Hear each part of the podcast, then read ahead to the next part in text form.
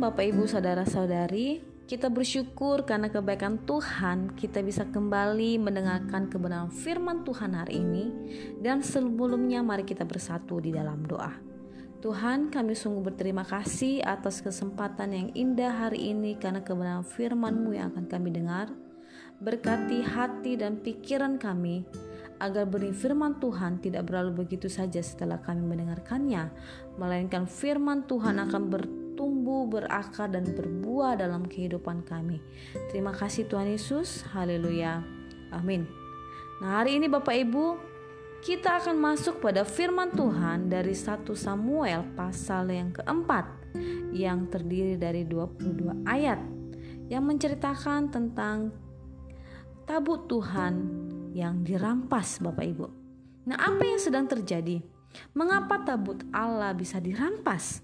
Nah, Bapak Ibu, jikalau kita melihat di dalam ayat yang pertama sampai ayat yang ke-10 di sini dikatakan bahwa di mana bangsa Israel sedang berperang melawan bangsa Filistin dan pada saat mereka melawan bangsa Filistin, keadaan atau situasi yang dialami oleh bangsa Israel adalah situasi yang sulit karena mereka terpukul kalah dan banyak orang Israel yang gugur di medan perang sekitar 4000 orang dan di mana oleh karena bangsa Israel terpukul kalah melawan bangsa Filistin dan melalui dorongan kekalahan inilah sehingga para tua-tua bangsa Israel ini berinisiatif memerintahkan Eh, bangsa Israel untuk mengambil tabut Tuhan yang berada di Silo.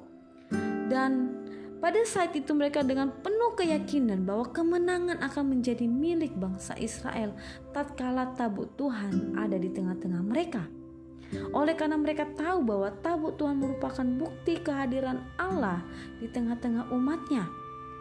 Dan Jikalau kita melihat di dalam Yosua pasal yang ketiga sampai pasal yang keempat melalui kehadiran Allah melalui tabut Tuhan, maka setiap kemenangan akan menjadi milik bangsa Israel seperti yang sudah terjadi sebelumnya.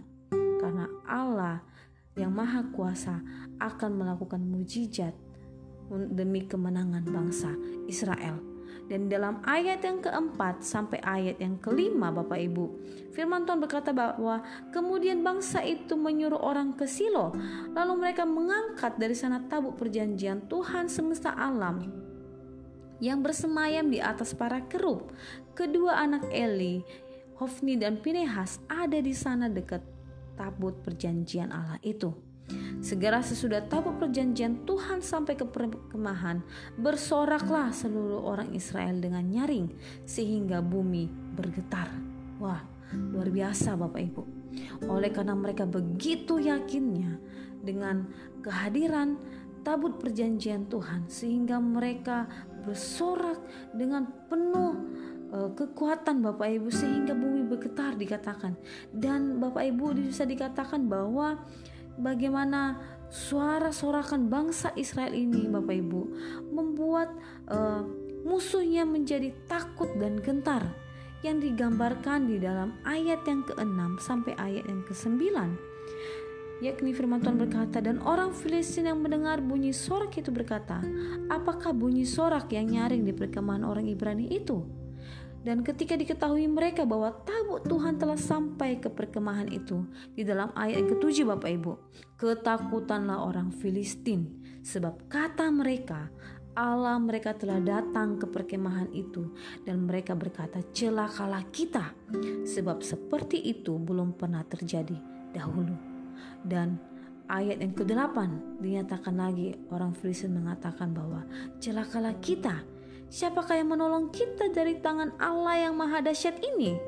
Inilah juga Allah yang telah menghajar orang Mesir dengan berbagai-bagai tulah di padang gurun.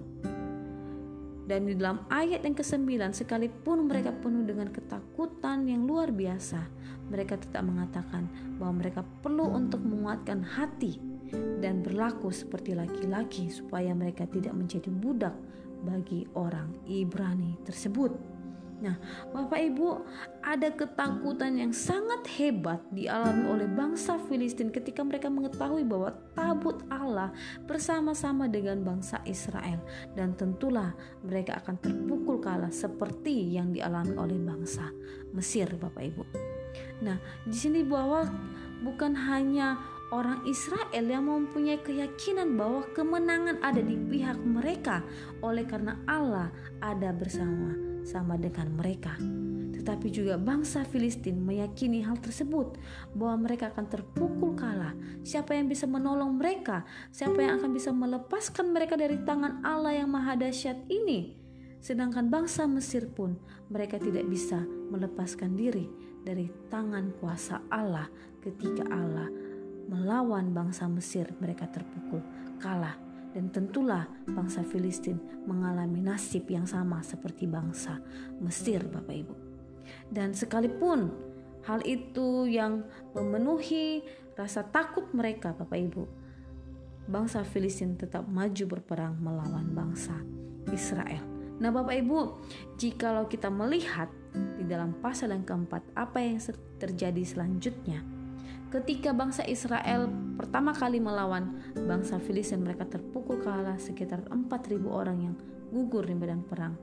Dan ketika itu, pada saat itu, tabut Tuhan belum ada bersama-sama dengan mereka. Dan bagaimana selanjutnya ketika tabut Tuhan sudah ada bersama dengan bangsa Israel? Apakah mereka akan memperoleh kemenangan? Apakah kemenangan ada di pihak bangsa Israel? Nah, Bapak Ibu, jikalau kita melihat di dalam ayat yang ke-10, hasil yang diperoleh tidak seperti yang mereka harapkan.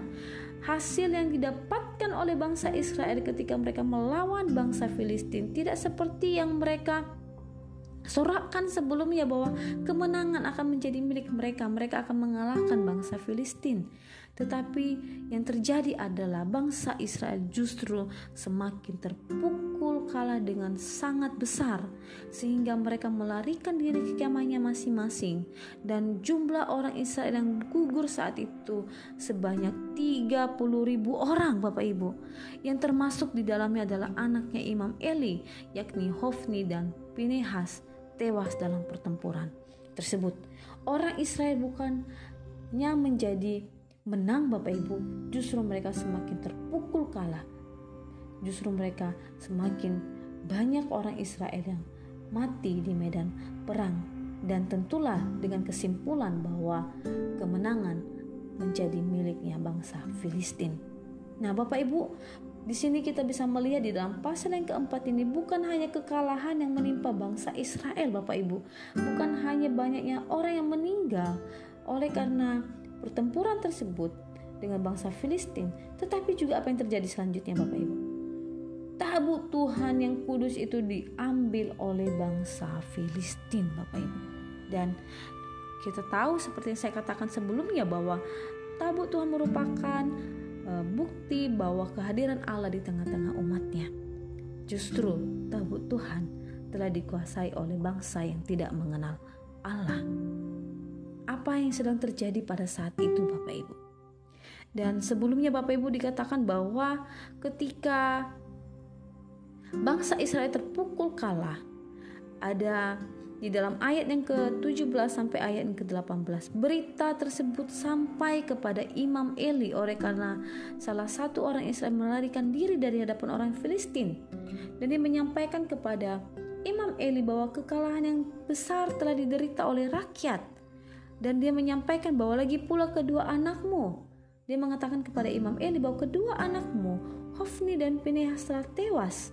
Dan berita yang lebih mengagetkan lagi kepada Imam Eli adalah tabut Allah sudah dirampas.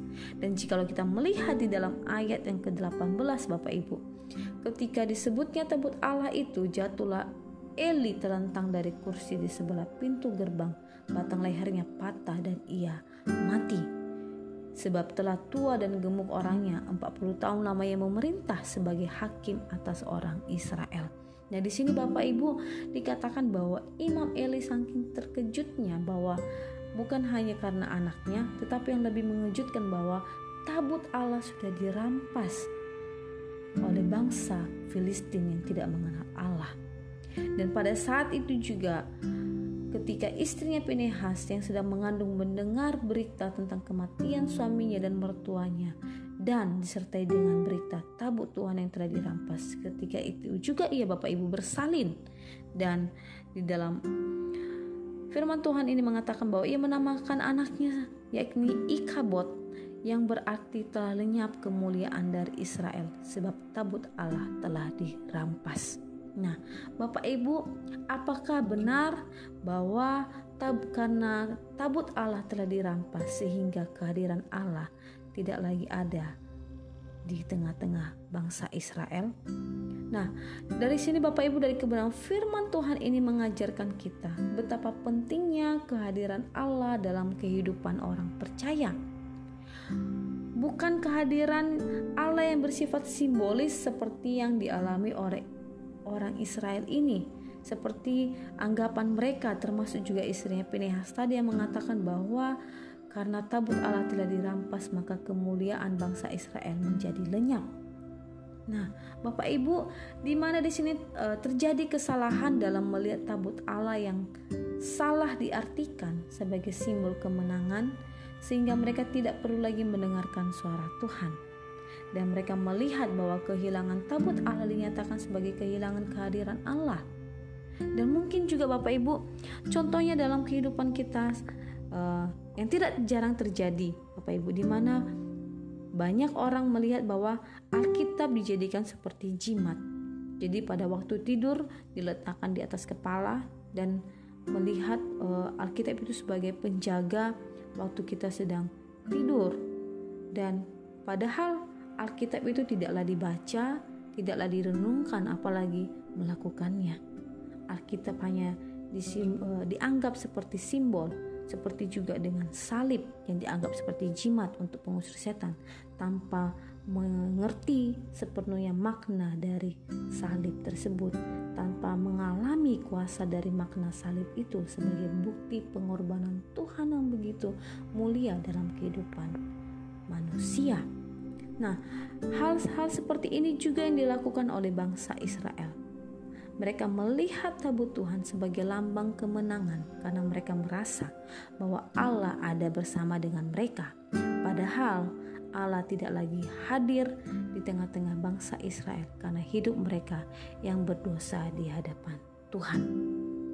Bisa dikatakan bahwa kemuliaan dari Israel yang lenyap seperti yang dikatakan oleh istri Penehas bukan karena tabut Allah yang telah dirampas melainkan oleh karena hidup mereka yang bercela di hadapan Tuhan. Hidup mereka yang tidak taat kepada Allah sehingga Allah tidak lagi berkenan kepada bangsa Israel sehingga Allah tidak lagi hadir di tengah-tengah mereka Nah, di sini Bapak Ibu, kekalahan bangsa Israel merupakan akibat dari hidup mereka yang berdosa atas ketidaktaatan mereka kepada Allah. Sekalipun tabut Allah tetap ada di tangan bangsa Israel, bukan berarti Allah ada bersama dengan mereka. Oleh karena mereka telah hidup jauh daripada Tuhan. Tetapi waktu hidup mereka tidak berkenan kepada Allah, maka Allah tidak lagi berkenan dengan umatnya. Nah, Bapak Ibu di sini mengajarkan kita bahwa bila kita ingin Allah hadir dalam kehidupan kita, orang percaya. Waktu kita merindukan Allah hadir dalam kehidupan kita, Bapak Ibu dan saya, maka mari kita hidup dalam kekudusan dan ketaatan pada firman Tuhan. Dalam situasi yang sulit saat ini, di tengah-tengah pandemik ini, mari kita bertekun untuk terus mengundang Tuhan hadir dalam kehidupan kita. Mari kita terus memelihara kekudusan hidup kita dan mentaati firman Tuhan, Bapak Ibu. Firman Tuhan yang selalu kita dengar, mari kita hmm, bertumbuh di dalamnya, mentaatinya, dan kita akan memperoleh hidup yang berkenan di hadapan Tuhan. Dan ketika kita berkenan di hadapan Allah, maka Allah akan hadir dalam kehidupan kita. Terima kasih. Tuhan Yesus memberkati.